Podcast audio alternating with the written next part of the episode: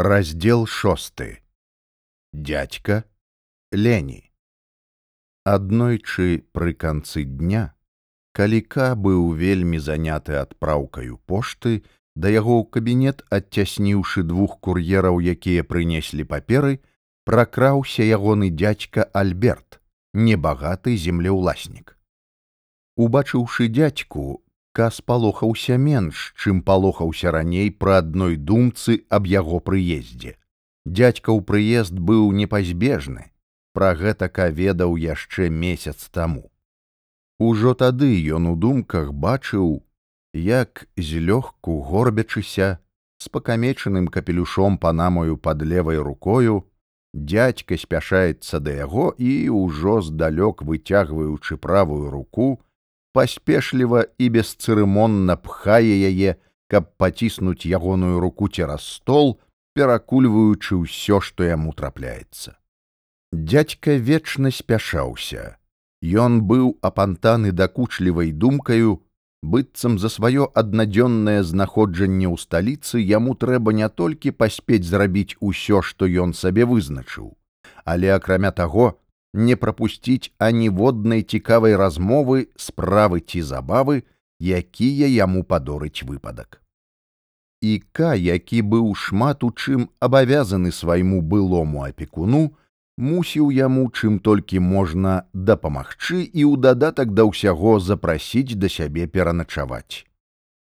Прывід з правінцыі так называў яго ка сам сабе.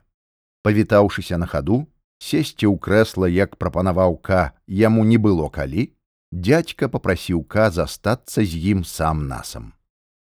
Гэта неабходна, сказаў ён з цяжкасцю утаймоўваючы дух дзеля майго спакою гэта неабходна.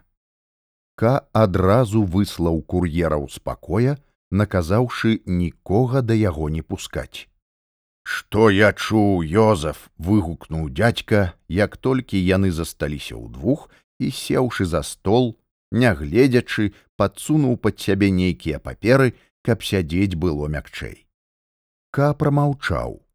Ён ведаў, што будзе далей, але нечакана адарваны ад тэрміновай працы раптам паддаўся адчуванню прыемнай стомы і ўтаропіўся ў акно на другі бок вуліцы са свайго месца ён бачыў толькі маленькі трохвугольны прасвет кавалак глухога муру паміж дзвюма вітрынамі. І ты яшчэ глядзіш у акно крыкнуў дядька узносячы руки дзеля ўсяго святога! Йозеф адкажы мне! Няўжо гэта праўда, Няўжо гэта сапраўды так. Мілы дядька адказаў ка з цяжкасцю выходзячы са здранцвення. Розуму не дабяру, чаго ты ад мяне хочаш. Йозеф сказаў дядька з дакорам, наколькі я ведаю, ты заўсёды казаў праўду. Няўжо твае апошнія словы кепскі знак. Цяпер я здагадваюся, пра што ты пакорліва сказаў ка. Мабыць, ты чуў нешта пра мой працэс. Вось менавіта, прамовіў дядька павольна ківаючы галавой. Я чуў пра твой працэс. Ад каго ж гэта спытаўка? Мне пра гэта напісала Эрна, сказаў дядька. Цябе яна даўно не бачыла. Ты, на жаль, мала ёю цікавішся, і аднак яна пра ўсё даведалася. Сёння я атрымаў ад яе ліст, вядома адразу ж прыехаў гэта адзіная прычына але прычына вельмі сур'ёзная ці магу я прачытаць тое месца што тычыцца цябе ён выцягнуў ліст з гаманца вось яно Йозафа я даўно не бачыла тыдзень таму заходзіла ў банк але Йозаф быў такі заняты што мяне да яго не пусцілі прачакала амаль гадзіну але потым давялося пайсці дадому. У мяне быў урок музыкі. Мне вельмі хацелася з ім паразмаўляць, хіба што іншым разам атрымаецца. Да дня народзінаў ён даслаў мне велізарную каробку шакаладных цукерак. Вось які ён мілы і ўважлівы. Тады я забыла вам пра гэта напісаць і ўспомніла толькі цяпер, калі вы спыталі пра яго. На жаль, у нашым пансіёне шакалад знікае імгненна не паспееш узрадавацца што табе падарылі столькі шакаладу як яго ўжо няма дарэчы мне неабходна распавесці вам пра Йозефа яшчэ адну рэч. Як я пісала ўжо, мяне да яго ў банк не прапусцілі, таму што ён быў заняты з нейкім спадаром. Спачатку я цярпліва чакала, а потым спытала ў кур'ера, ці надоўга яго затрымаюць. Кур'ер адказаў, што відаць надоўга, бо размова відавочна ідзе пра судовы працэс, распачаты супраць спадара старшага пракурыста. Я спытала, што гэта яшчэ за працэс і ці не памыліўся ён. А ён сказаў не, не памыліўся, распачаты працэс, і працэс вельмі сур'ёзны, але больш ён нічога не ведае. Сам ён з задавальненнем дапамог бы спадару пракурысту, бо спадар пракурыст добры, справядлівы чалавек, але як да гэтага падступіцца ён не ведае. Можна толькі пажадаць каб за яго заступіліся людзі ўплывовыя. Напэўна гэтак яно і будзе і ўсё скончыцца добра. Але пакуль што мяркуючы па настроі спадара пракурыста справы зусім не такія і добрыя. Вядома я не надала гэтай размове ніякага значэння паспрабавала супакоіць гэтага дурнаватага кур'ера забараніла яму распавядаць пра гэта іншым і наогул лічу яго словы проста балбатнёю. І ўсё-такі было б добра, калі б ты, мілы тата, у наступны прыезд заглыбіўся ў гэтую справу. Табе лёгка будзе выведаць падрабязнасці, а калі спатрэбіцца, то ты зможаш умяшацца праз сваіх уплывовых знаёмых. Калі ж гэтага не спатрэбіцца, а так яно, мабыць, і будзе, то прынамсі твая дачка, раней займее магчымасць абняць цябе і гэтаму яна будзе вельмі рада. Добрая дзяўчынка, сказаў дядзька, скончыўшы чытанне і змахнуў колькі слязінак з вачэй. Ка кіўнуў на знак згоды. Апошнім часам за ўсімі гэтымі гісторыямі ён зусім забыўся пра эрну. Нават пра яе дзень народзінаў забыўся. Пра шакалад яна выдумала, толькі каб апраўдаць яго перад дзядзькам і цёткаю. Гэта было вельмі кранальна.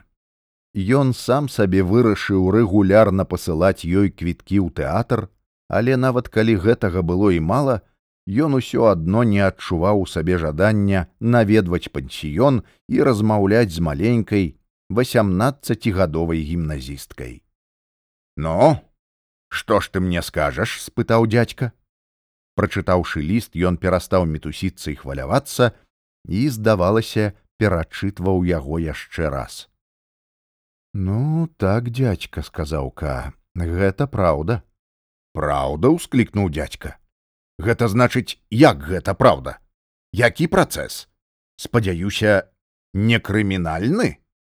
Менавіта крымінальны адказаў ка і ты спакойна сядзіш, калі табе пагражае крымінальны працэс, яшчэ мацней закрычаў дядзька. Чым я спакайнейшы, тым вынік будзе лепшы, сказаў кастомлена. Ды ты не бойся.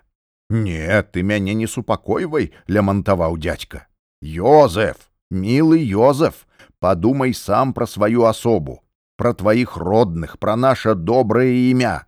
Ты заўсёды быў нашым гонарам, ты не павінен стаць нашаю ганьбай. Не, тваё стаўленне мне не падабаецца, і схіліўшы галаву на бок, ён скоса паглядзеў нака. Так сябе не паводзіць ні ў чым не вінаваты чалавек здаровага розуму. Хутчэй скажы мне, што да чаго. Тады я змагу дапамагчы табе. Тут, напэўна, замяшаныя банкаўскія аперацыі. Не, сказаў К і устаў. І наогул, мілы дядька, ты занадта гучна гаворыш. Кур'ер, напэўна, стаіць і падслухоўвае за дзвярыма. Мне гэта непрыемна. Лепш давай выйдзем адсюль. Я паспрабую, калі здолею адказаць на ўсе твае пытанні. Я выдатна разумею, што нясу адказнасць перад сям'ёю. Слушна, выгукнуў дядька. Вельмі слушна. Ну, хутчэй, Йозеф, хадзем хутчэй але ж я павінен аддаць сякія такія распараджэнні сказаў ка і тут жа выклікаў па тэлефоне намесніка, які праз некалькі хвілін увайшоў у кабінет. Дядька ўсхвалявана паказаў яму жэсам, што яго выклікаў ка, а не ён, хоць гэта і так было зразумела. Стоячы каля пісьмовага стала, ка ціхім голасам, паказваючы на розныя паперы, патлумачыў маладому чалавеку, што сёння трэба зрабіць за яго адсутнасцю а той выслухаў яго холодна, але ўважліва. Дядька ўвесь час перашкаджаў, шырока расплюшчваў вочы, кусаў вусны, і хоць ён відавочна не слухаў, але сама яго прысутнасць нервавала і замінала. Потым ён пачаў хадзіць сюды туды па пакоі, спыняючыся то перад акном, то перад карцінаю, і пры гэтым у яго раз пораз вырываліся розныя воклічы. Не, мне гэта зусім незразумела. Або скажыце, калі ласка, што ж цяпер будзе. Малады чалавек, удаючы, нібыта нічога не заўважае, спакойна выслухаў усе даручэнніка да канца, сёе тое сабе занатаваў і выйшаў, пакланіўшыся ка і дзядзьку, але ў гэтай хвілі дзядзька стаяў да яго спінаю, глядзеў у акно і ў выцягнутых руках сутаргава камячыў феранкі. Не паспелі дзверы зачыніцца, як дядька закрычаў: « Ну нарэшце ён сышоў гэты блазан. Цяпер і мы можам сысці, ну нарэшце. На жаль, не было ніякай магчымасці прымусіць дядьку перастаць задаваць пытанні наконт працэсу, пакуль яны ішлі па вестыбюле, дзе стаялі службоўцы ды кур'еры, дзе якраз праходзіў намеснік дырэктара банка. Дык вось Йозеф казаў дядька, адказваючы лёгкім паклонам на вітанні людзей, што стаялі наўкола. Цяпер скажы мне шчыра, што гэта за працэс. Ка зрабіў некалькі выказванняў, якія нічога не значылі, нават пачаў крыху пасмейвацца і толькі на сходах патлумачыў дядьку, што не хацеў гаварыць адкрыта пры гэтых людзях. Слушна, сказаў дядька, а цяпер расказвай. Нахіліўшы галаву і паспешліва пыхкаючы цыгараю, ён пачаў слухаць. Перш за ўсё дядька сказаў ка, гэты працэс не належыць да тых, якія разбіраюць у звычайным судзе.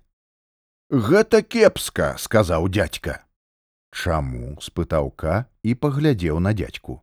Я табе кажу гэта кепска, паўтарыў дзядзька. Яны стаялі каля парадных сходаў, што вялі на вуліцу, і паколькі швейцар відавочна прыслухоўваўся, то ка пацягнуў дзядзьку ўніз, і яны неўзабаве змяшаліся зажыўленым натоўпам.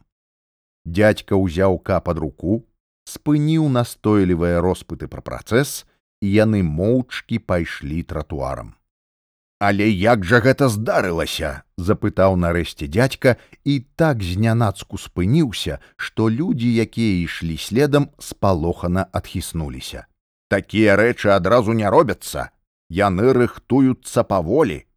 Павінны ж былі з'явіцца нейкія прыкметы, намёкі.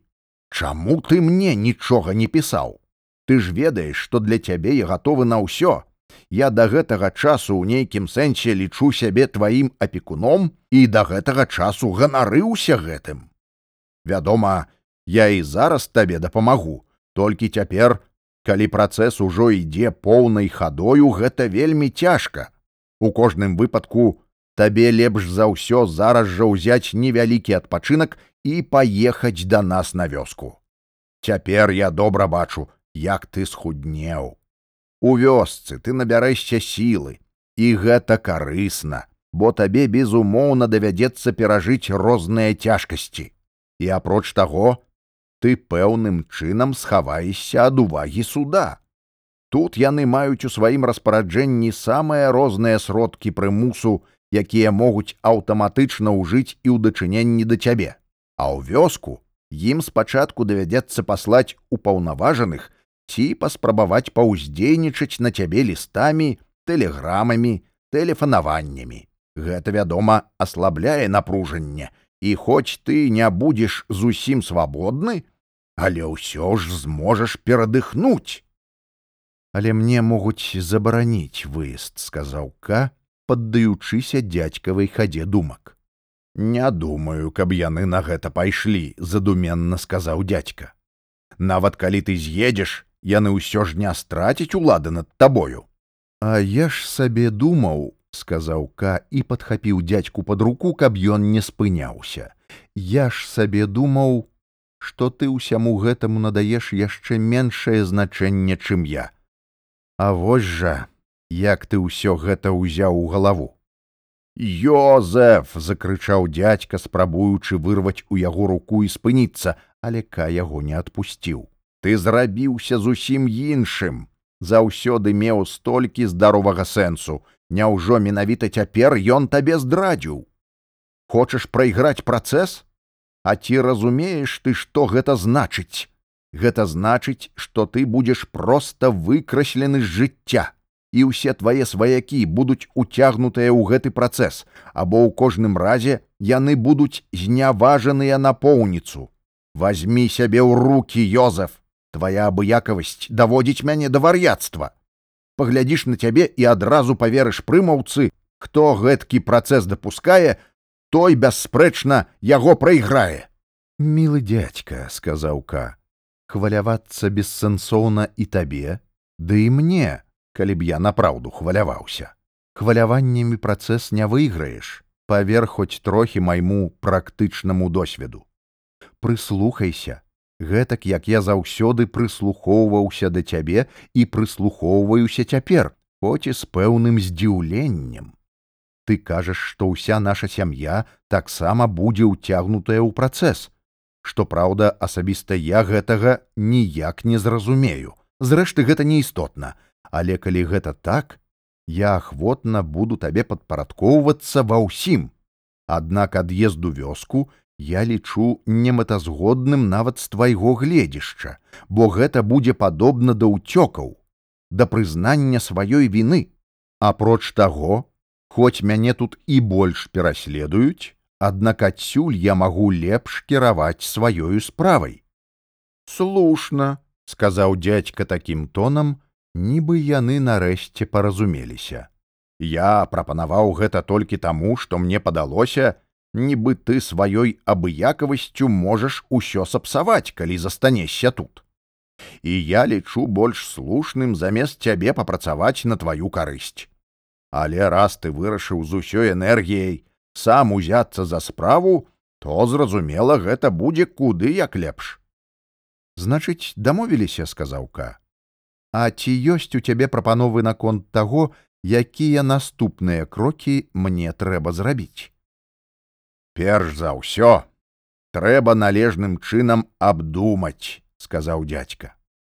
Не забывайся, што я ўжо гадоў двадцать жыву ў вёсцы, амаль адтуль не выязджаючы і вядома з часам я часткова страціў здольнасць арыентавацца ў падобных справах ну і таксама губляюцца патрэбныя сувязі з людзьмі якія напэўна лепш у гэтым разбіраюцца. У вёсцы ад усіх адрываешся разумееш? Але па праўдзе самому гэта заўважна толькі пры гэткіх вось акалічнасцях як цяпер. І наогул уся твая справа для мяне была трохі нечаканаю.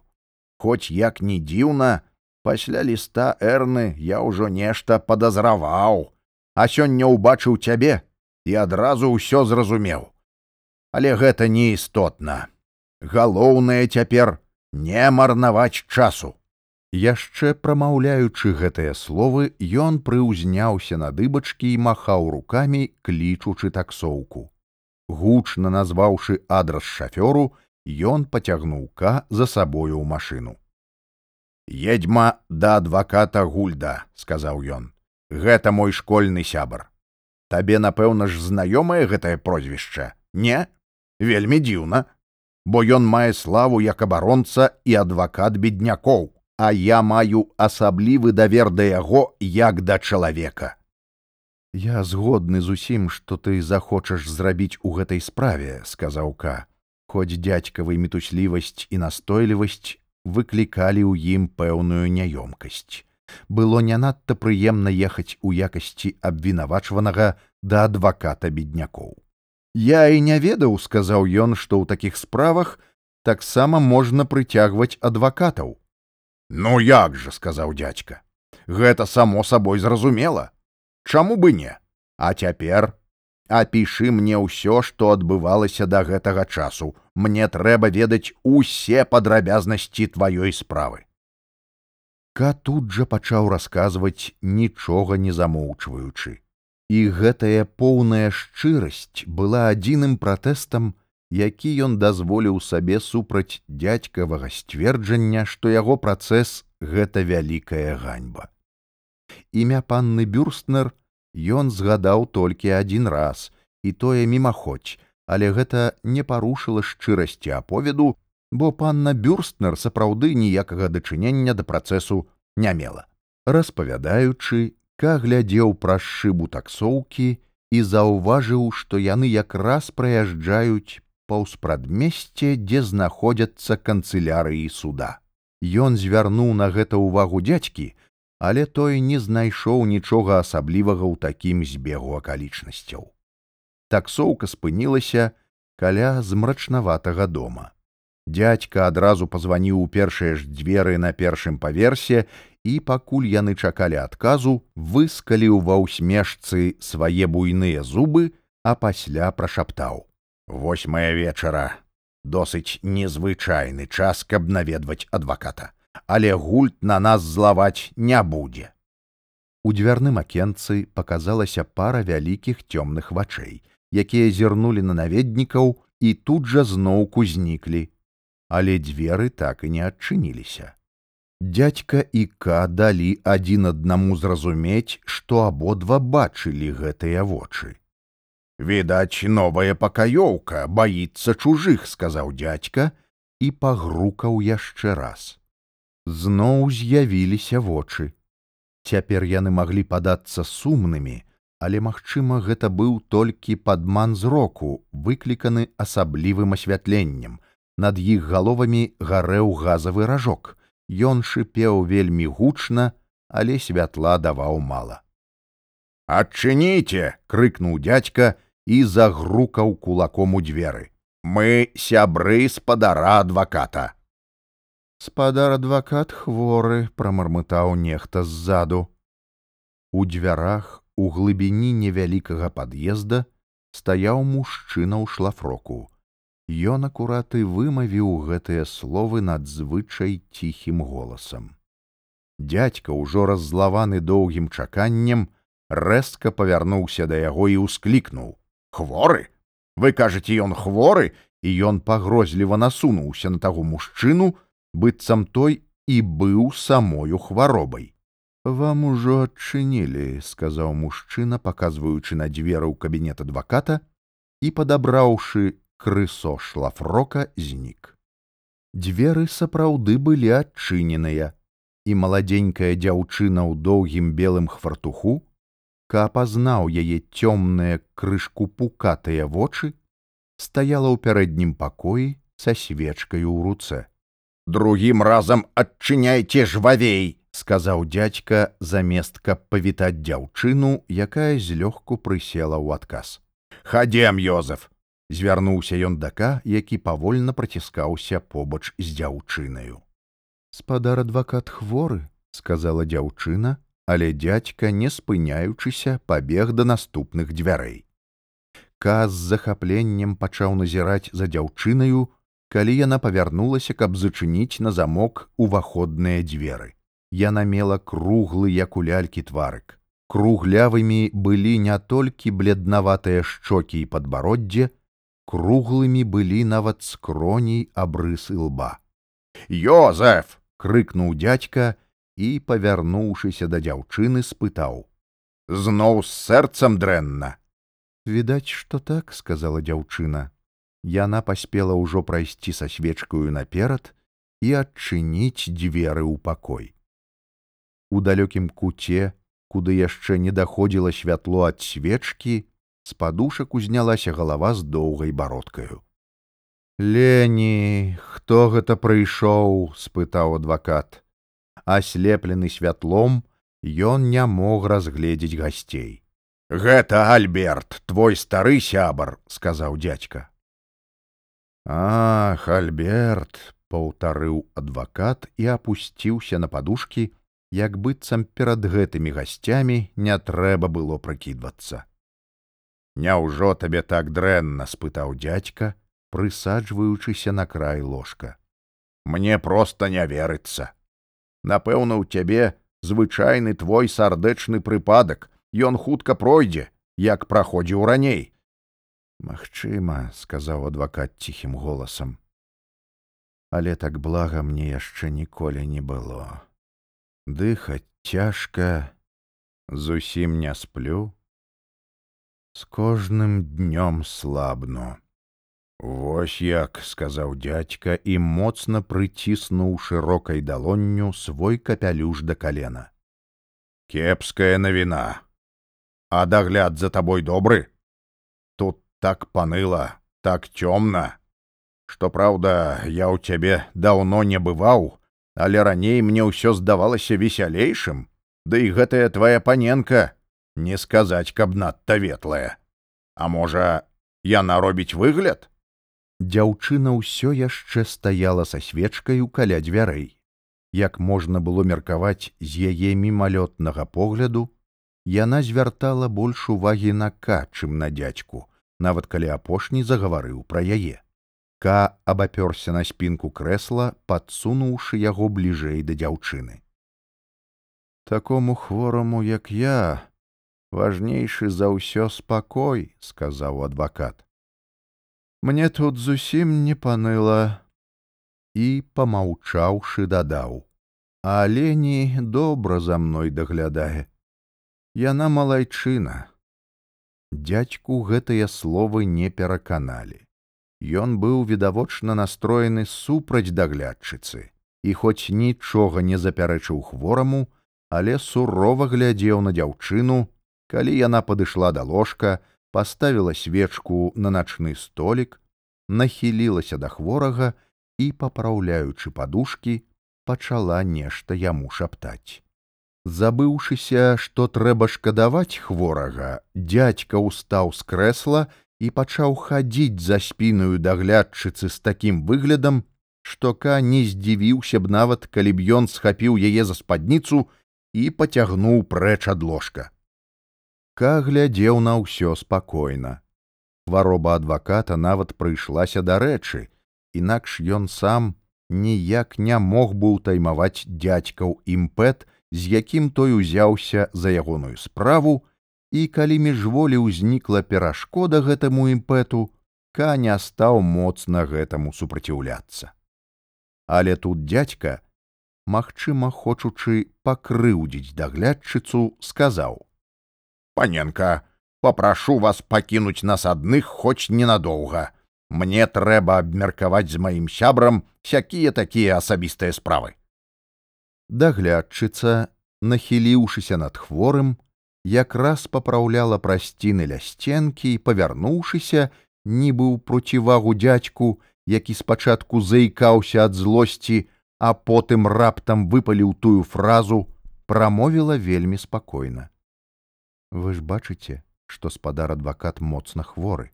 Ён не можа цяпер абмяркоўваць асабістыя справы. Магчыма яна паўтарыла словы дзядзькі толькі дэманструючы ветлівасць. Але нават бесстаронні чалавек мог бы прыняць гэта за насмешку.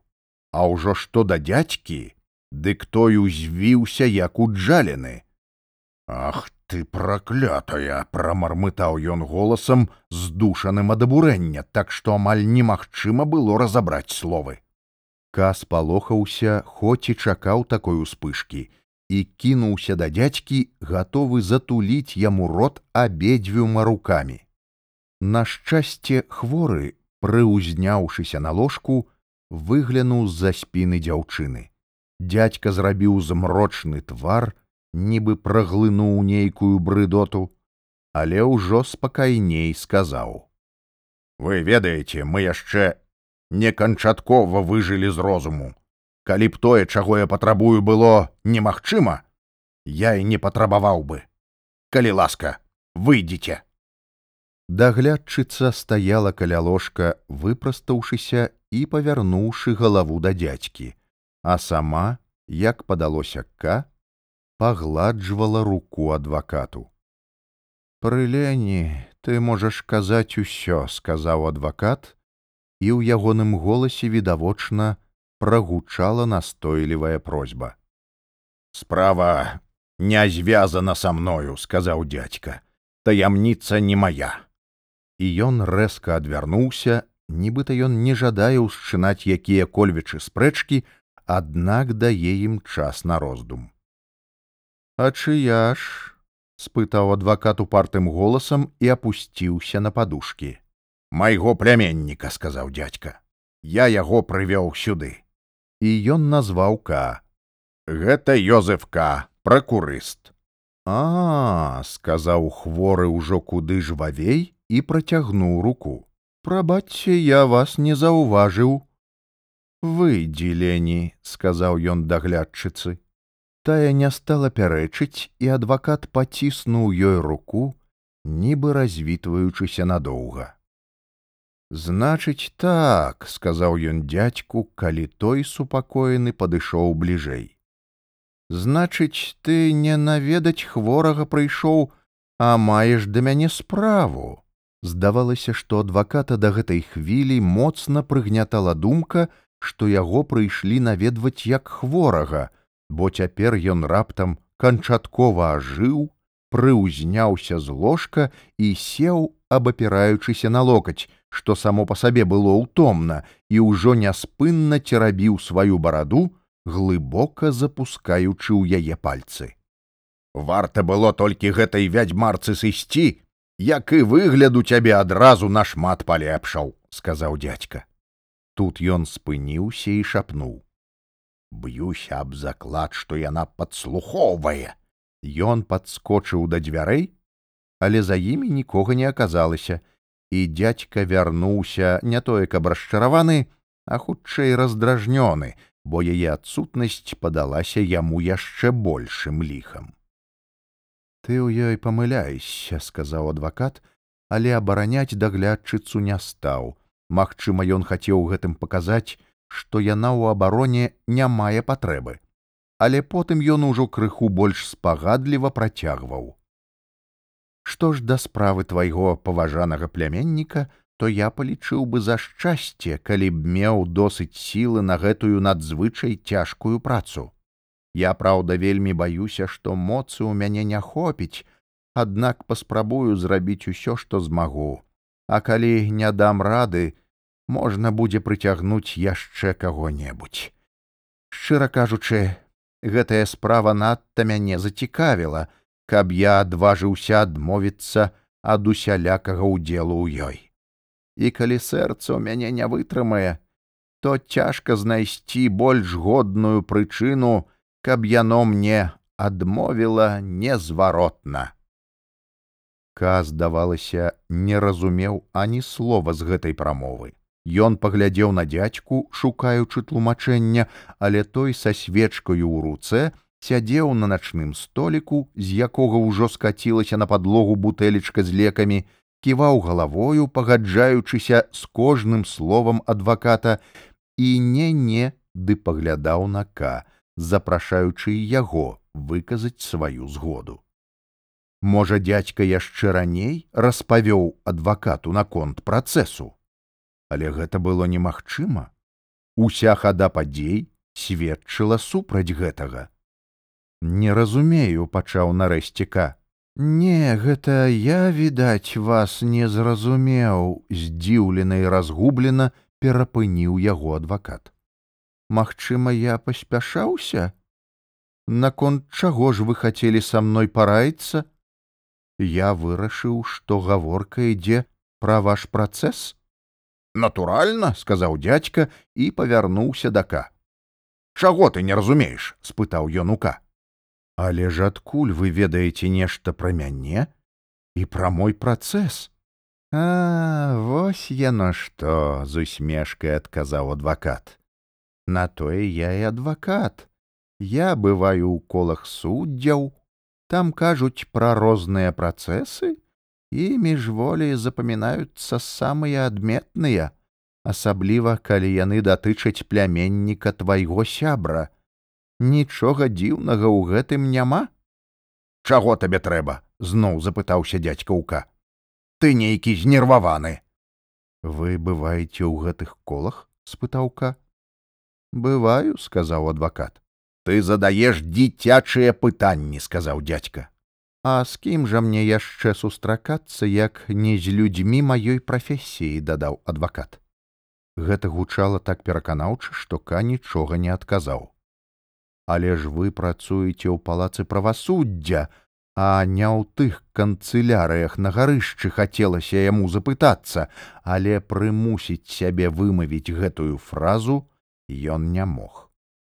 Самі разумееце, працягваў адвакат такім тонам, нібыта між іншым тлумачыў нешта абсалютна відавочнае. Самі разумееце, што з гэтых знаёмстваў я здабываю вялікую карысць для сваёй кліентуры, і прытым у самым розным дачыненні, хоць казаць пра гэта не надта і да месца.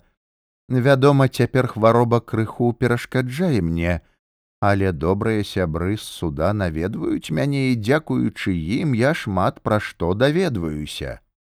І даведваюся я, мабыць, больш, чым тыя, хто цэлыя дні праседжвае ў суде. Вось і цяпер, напрыклад, у мяне дарагі госць і ён паказаў на цёмны кут пакоя дзе ж ён спытаў ка грубавата. Нагэтулькі ён знянацку быў здзіўлены. Ён бездапаможна азірнуўся. Цьмянае святло свечкі зусім не дасягала дальняй сцяны. Але там сапраўды нешта заварушылася. Тут дядька падняў свечку і яны ўбачылі невялікі столік і пажылога мужчыну, які сядзеў за ім. Мусіць, ён там сядзеў не дыхаючы і таму гэтак доўга заставаўся незаўважаным. Цяпер ён няспешна падняўся, відавочна незадаволены тым, што на яго звярнулі ўвагу.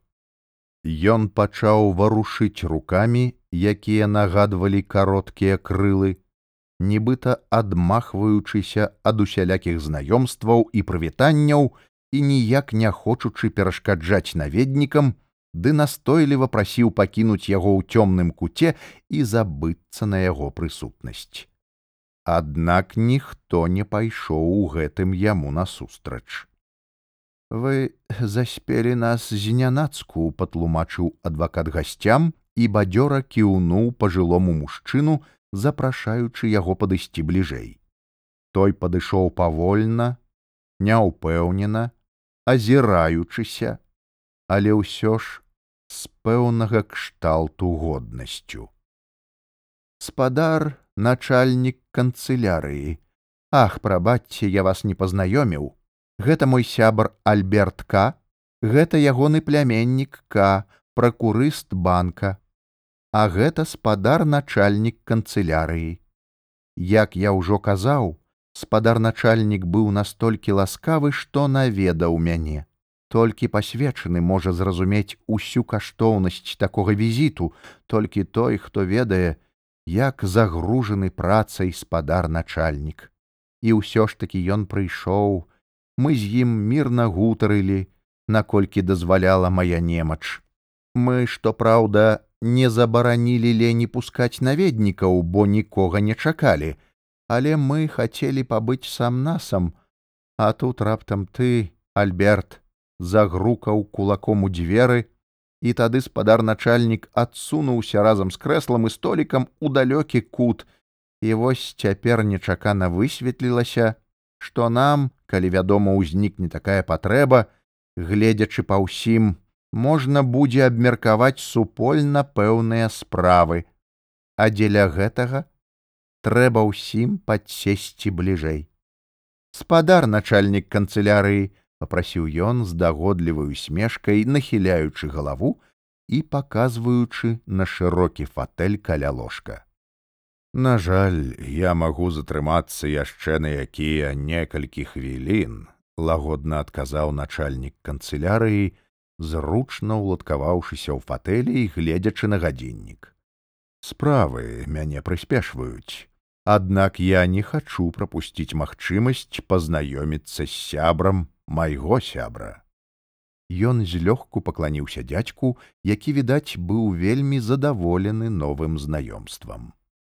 Але паколькі паслужлівасць зусім не адпавядала яго характару, ён сустрэў словы начальніка канцылярыі збянтэжаным, але вельмі гучным смехам. Брыдкае відовішча. Ка спакойна назіраў за тым, што адбываецца, бо на яго цяпер ніхто не звяртаў увагі. Начальнік канцылярыі, відавочна паводле старой звычкі, калі ўжо яго назвалі, пачаў кіраваць размоваю. Адвакат, які раней відавочна ўдаваў з сябе хворага, відаць, жадаючы адвадзіць новых гасцей, а цяпер уважліва слухаў, прыставіўшы далонь да вуха. Дядька ж, заняўшыся свечкаю, што гайдалася ў яго на каленцы, адвакат заклапочана пазіраў у ягоны бок, перастаў ужо саромецца і шчыра захапляўся не толькі прамоваю начальніка канцылярыі, але і тымі плаўнымі, хвалепадобнымі жэстамі рук, якія суправаджалі яго словы. Ка стаяў, абапёршыся аб спінку ложка, і начальнік канцылярыі хіба што наўмысна, а ні разу да яго не звярнуўся. Відаць, старэйшыя ўспрымалі яго толькі як слухача. Зрэшты, і самка амаль не разумеў, пра што ідзе гаворка, а думаў пра даглядчыцу і пра тое, які няветлівы быў з ёю дзядзька, або пра тое, ці не бачыў ён начальніка канцылярыі дзесьці раней, Магчыма, нават на сходзе ў дзень першага допыту. Магчыма, ён і памыляўся, але ўсё ж начальнік канцылярыі быў дзіўна падобны да ўдзельнікаў таго сходу, тых людзей з рэдкімі бародкамі, што стаялі тады ў першых шэрагах. Раптоўна ў пярэднім пакоі пачуўся звон разбітага посуду, які змусіў усіх схамянуцца. Пагляджу што там здарылася сказаў ка і пайшоў да дзвярэй няспешна нібыта хацеў даць астатнім магчымасць затрымаць яго. Але як толькі ён выйшаў у пярэдні пакой і паспрабаваў зарыентавацца ў цемры на яго пальцы якія трымалі клямку дзверы лягла маленькая рука куды меншая за ягоную і ціха прычыніла дзверы. Гэта была даглядчыца, якая чакала тут жа. Нічога не здарылася, шапнула яна. Я знарок шпурнула талерку і разбіла яе аб сцяну, каб выклікаць вас сюды. Кара згубіўся і сказаў: « Я таксама пра вас думаў. Тым лепей, сказала даглядчыца, хадзем яны зрабілі некалькі крокаў і апынуліся перад дзвярыма з матавым шклом. Даглядчыца адчыніла іх перадка. Ну, заходзьце ж, сказала яна. Гэта відавочна быў працоўны кабінет адваката. Наколькі можна было разгледзець у святле месяца, якое рабіла відочнымі толькі тры невялікія квадраты падлогі пад трыма вокнамі, Увесь пакой быў застаўлены цяжкай старамоднай мэбляю. Сюды, сказала даглядчыца, паказваючы на цёмны куфар з разьбянай драўлянай спінкай. Перш чым сесці, ка агледзеўся. Пакой быў высокі, вялікі. Напэўна, беднякі з кліентуры адваката адчувалі сябе ў ім зусім нэндзнымі і нікчэмнымі. Ка уявіў сабе, як яны дробнымі крокамі тупаюць да вялізнага пісьмовага стала. Але ён тут жа забыўся на ўсё, акрамя даглядчыцы. Тая апынулася настолькі блізка да яго, што амаль прыціснула да бакавой парэнчы. А я думала, што вы самі выйдзеце, сказала яна, і мне не давядзецца вас выклікаць. дзіўная рэч спачатку вы ледзьве паспеўшы ўвайсці вачэй з мяне не зводзілі а потым раптам прымушаеце сябе чакаць кліце мяне проста лені паспешліва і непасрэдна дадала яна нібы не жадаючы губляць ні хвіліны на тлумачэнні. Ахвотна сказаўка але ведаеце лені усё гэта зусім не дзіўна і цалкам вытлумачальна. Па-першае мне трэба было выслухаць балбатню гэтых старых. Няможна ж было пайсці ад іх ні з сяго ні з таго.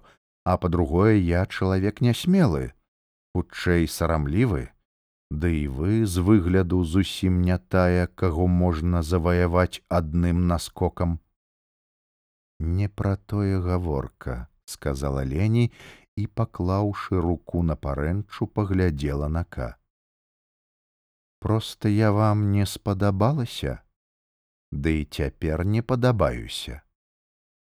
Падабацца гэта як бы не тое слово, сказаў ка унікліва. Ох, з усмешкаю адказала лені.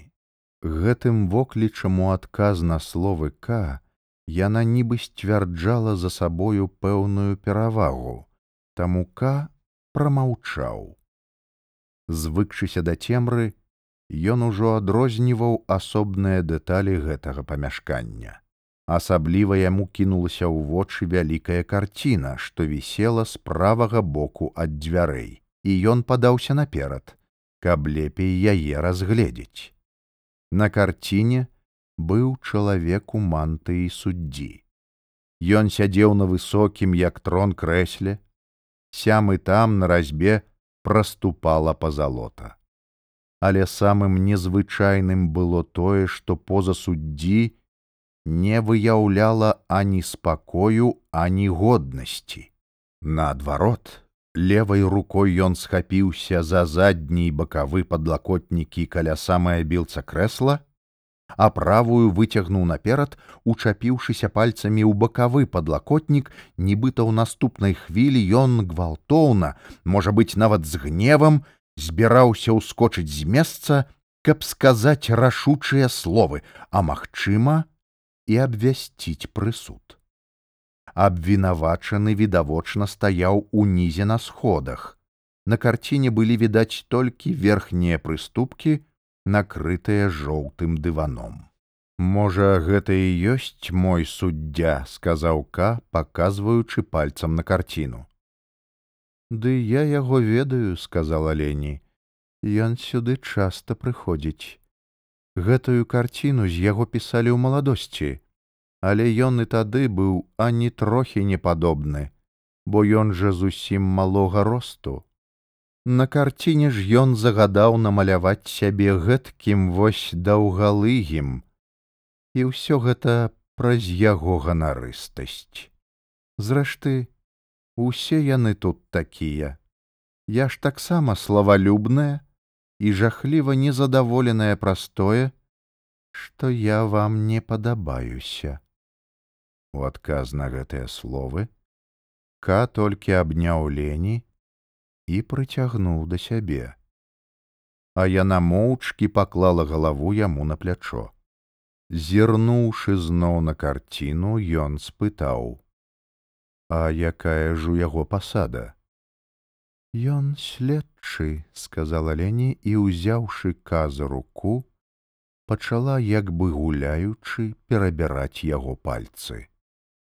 Следчы і толькі, расчаравана сказаўка, а высокія чыны хаваюцца, але ж ён сядзіць на троне.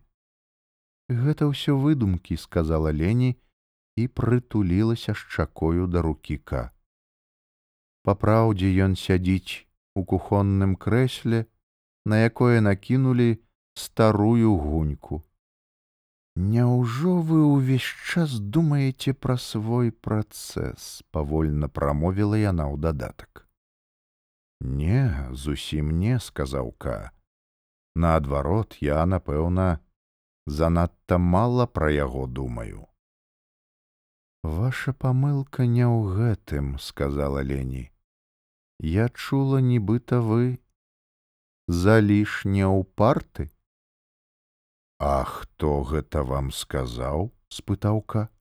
У гэтай хвілі ён адчуваў, як яна прыціскаецца да яго грудзей, бачыў яе пышныя, цёмныя, скручаныя тугім вузлом валасы. Я занадта шмат выдам, калі скажу, хто адказала лені.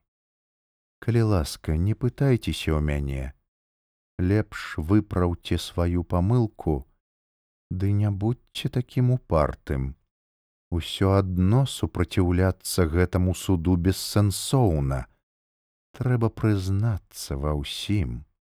Пры першай жа магчымасці прызнайцеся. Толькі тады ёсць надзея выслізнуць толькі тады. Зрэшты, і гэта немагчыма без старонняй дапамогі. Але тут вам турбавацца няма чаго. Я сама вам дапамагу.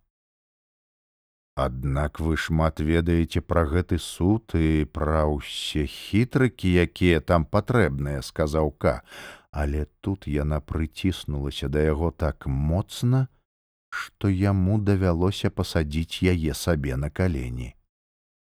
Вось і цудоўна, сказала яна і, уладкаваўшыся ямчэй, абцягнула спадніцу і паправіла блузку.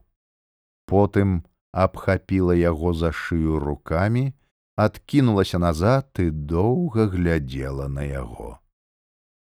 А калі я не прызнаюся, вы мне не здолееце дапамагчы, выпрабавальна спытаўся ка. Аднак жа я і вярбую сабе памагатых, падумаў ён здзіўлена. Спачатку панна бюрстнер, потым жонка судовага служкі, а цяпер гэтая малая даглядчыца. Незразумела, чаму яе да мяне так цягне. Бач, як расселася ў мяне на каленях, быццам толькі тут ёй і месца. Не, сказала Лені і павольна паківала галавою тады я вам дапамагчы не здолею. Але ж вы і не хочаце ад мяне аніякай дапамогі. Яна вам не патрэбная.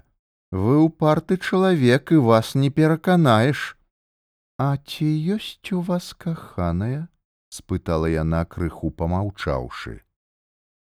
Няма, адказаўка. Няпраўда, сказала яна. Зрэшты, ёсць сказаўка подумайте толькі я яе выракаюся а сам заўсёды нашу яе фатаграфію пры сабе яна пачала яго прасіць. Ён дастаў фатаграфію эльзы і дзяўчына скруціўшыся ў яго на каленях пачала разглядаць картку. Гэта быў імгненны аматарскі здымак дзе эльзу сфатаграфавалі падчас танца. Яна любіла танчыць у сваім рэстаранчыку. Віруючы, разляталіся фальбонкі спадніцы, а яна ўперлася рукамі ў тугія сцёгны і, адкінуўшы галаву, са смехам глядзела кудысьці ў бок. На фатаграфіі не было відаць, каму яна гэтак усміхалася занадта ў яе шчыгульны гарсет сказала лені і показала тое месца у якім на яе думку ён быў занадта перацягнуты. Мне яна не падабаецца. Яна брутальная і нязграбная але мажліва з вами яна ціхая і пяшчотная. Мяркуючы па гэтай картцы і гэта можа быць. Такія буйныя высокія дзяўчыны часам аказваюцца вельмі рахманымі і ласкавымі. Але ці можа яна ахвяраваць сабою дзеля вас? Не сказаўка яна і не рахманая і не ласкавая і сабою дзеля мяне не ахвяруе. Папраўдзе да гэтага часу я ад яе нічога такога і не патрабаваў. Па шчырасці я і фатаграфію гэтую ніколі не разглядаў так уважліва, як вы. Выходзіць, што для вас яна зусім нічога не значыць, сказала Лені, і зусім яна не ваша каханая. Але гэта так, сказаў Ка. І я ад сваіх словаў не адмаўляюся. Ну, няхай яна цяпер ваша каханая, прамовіла Лені, але вы нават сумаваць па ёй не будзеце, калі страціце яе, ці возьмеце наўзамен іншую. Вядома, усміхнуўся ка, і гэтак можа стацца, але яна мае перад вамі велізарную перавагу. Яна нічога не ведае пра мой працэс, а калі бы ведала, яна не думала б пра яго і ніколі не наважылася б угаворваць мяне паддацца, пайсці на саступкі. Ну, гэта яшчэ не перавага, сказала Лені. А калі іншых пераваг у яе няма, я надзеі не губляю. А ці ёсць у яе якія-небудзь фізічныя дэфекты? Фізічныя дэфекты перапытаўка. Ага, сказала Лені. У мяне, напрыклад, ёсць невялікі фізічны дэфект. Вось паглядзіце. Яна растапырыла сярэдні безыменны пальцы правай рукі, скурка паміж імі зарасла амаль да верхняга сустава караценькіх пальцаў. У прыцемку Каня адразу заўважыў, што яна хоча паказаць і ўзяўшы яго руку, яна дала яму абмацаць свае пальцы. Якая забава прыроды, сказаў Ка, і агледзеўшы ўсю руку дадаў: Якая прыгожанькая лапка. Лені з пэўным гонарам за сябе глядзела на Ка, Ён зноў і зноў у здзіўленні разводзіў і зводзіў абодва яе пальцы, потым таропка пацалаваў іх і адпусціў. О, усклікнула яна. Вы мяне пацалавалі? Крыху растуліўшы рот, яна паспешліва стала каленкамі на яго калені. Ён зусім разгубіўся Яна апынулася так блізка, што ён адчуў яе пах, горкі і даўкі, як перац. Яна прыціснула да грудзей яго галаву, нахілілася над ёю і пачала цалаваць і кусаць яго шыю, а нават і валасы на патыліцы. Вы мяне бераце наўзамен той, выгукнула яна ў паўзе паміж пацалункамі, вось бачыце, вы бераце мяне замест яе. Тут яе калена саслізнула і, ускрыкнуўшы, яна ледзьве не ўпала на дыван. Ка абхапіў яе, спрабуючы ўтрымаць, але яна пацягнула яго за сабою. Цяпер ты мой, сказала яна. Вось табе ключ ад дома, прыходзь, калі захочаш, былі яе апошнія словы, і калі ён сыходзіў, пацалунак на ляту крануўся яго спіны. Выйшаўшы за браму дома, ён трапіў пад дробны дожджык. Хацеў бы ўступіць на брук, каб убачыць лені хоць бы ў акне, але тут з аўтамабіля, што стаяў каля брамы, ка праз рассеянасць яго не заўважыў, выскачыў дзядзька, схапіў яго за плечы і прыціснуў да варот, нібы хацеў прыгваздаць на месцы. Хлопча, крыкнуў ён, як ты мог гэткае ўчыніць. Справа паварочвалася ўжо ў патрэбны бок, а цяпер ты страшэнна нашкодзіў сабе. Схаваўся недзе з гэтым маленькім сапсаваным стварэннем, бо яна, напэўна, палюбоўніца адваката. Пратырчаў там Бог ведае колькі часу, і нават ніякай зачэпкі не прыдумаўшы, нічога не прыхаваўшы, гэтак адкрыта пры ўсіх паляцеў да яе, ды там і застаўся. А мы сядзім усе трое, твой дядзька, які дзеля цябе ж робіць высілкі, адвакат, якога трэба перацягнуць на твой бок, а галоўнае сам начальнік канцылярыі, вялікі чалавек, бо на гэтай стадыі твая справа цалкам у яго руках. Хочам абмеркаваць, як табе дапамагчы, я павінен асцярожна апрацаваць адваката, ён начальніка канцылярыі. Няўжо ты не разумееш, што ў цябе былі ўсе падставы нейкім чынам прыйсці мне на дапамогу. Замест гэтага ты ўцякаеш. Тут ужо нічога не можна схаваць. Добра, што яны людзі ветлівыя, выхаваныя, ні слова не сказалі, але ўрэшце ім таксама зрабілася невыносна. Казаць яны пра гэта не сталі, давялося сядзець і маўчаць. Вось мы і сядзім і маўчым, чакаем, калі ж ты з'явішся, але ўсё марна. Нарэшце начальнік канцылярыі ўстае, ён і так ужо праседзеў нашмат даўжэй, чым збіраўся, развітваецца са мною і відавочна шкадуе мяне, хоць нічым дапамагчы не можа. Чакае з самай неверагоднай ветласцю яшчэ трохі каля самых дзвярэй і толькі потым сыходзіць. Зразумела, я быў шчаслівы, калі ён пайшоў. Мне ўжо і дыхаць не было чым. А на хворага адваката ўсё гэта так паўздзейнічала, што ён добры чалавек, а ні слова не мог вымавіць, калі я з ім развітваўся. І, напэўна, ты больш за ўсіх вінаваты ў тым, што ён зусім гіне. Ты прыспешваеш смерць чалавека, ад якога сам залежыш. А мяне, свайго дядьку, ты кінуў тут под дажджом памацай я ўвесь прамок столькі гадзін чакаць і маркоціцца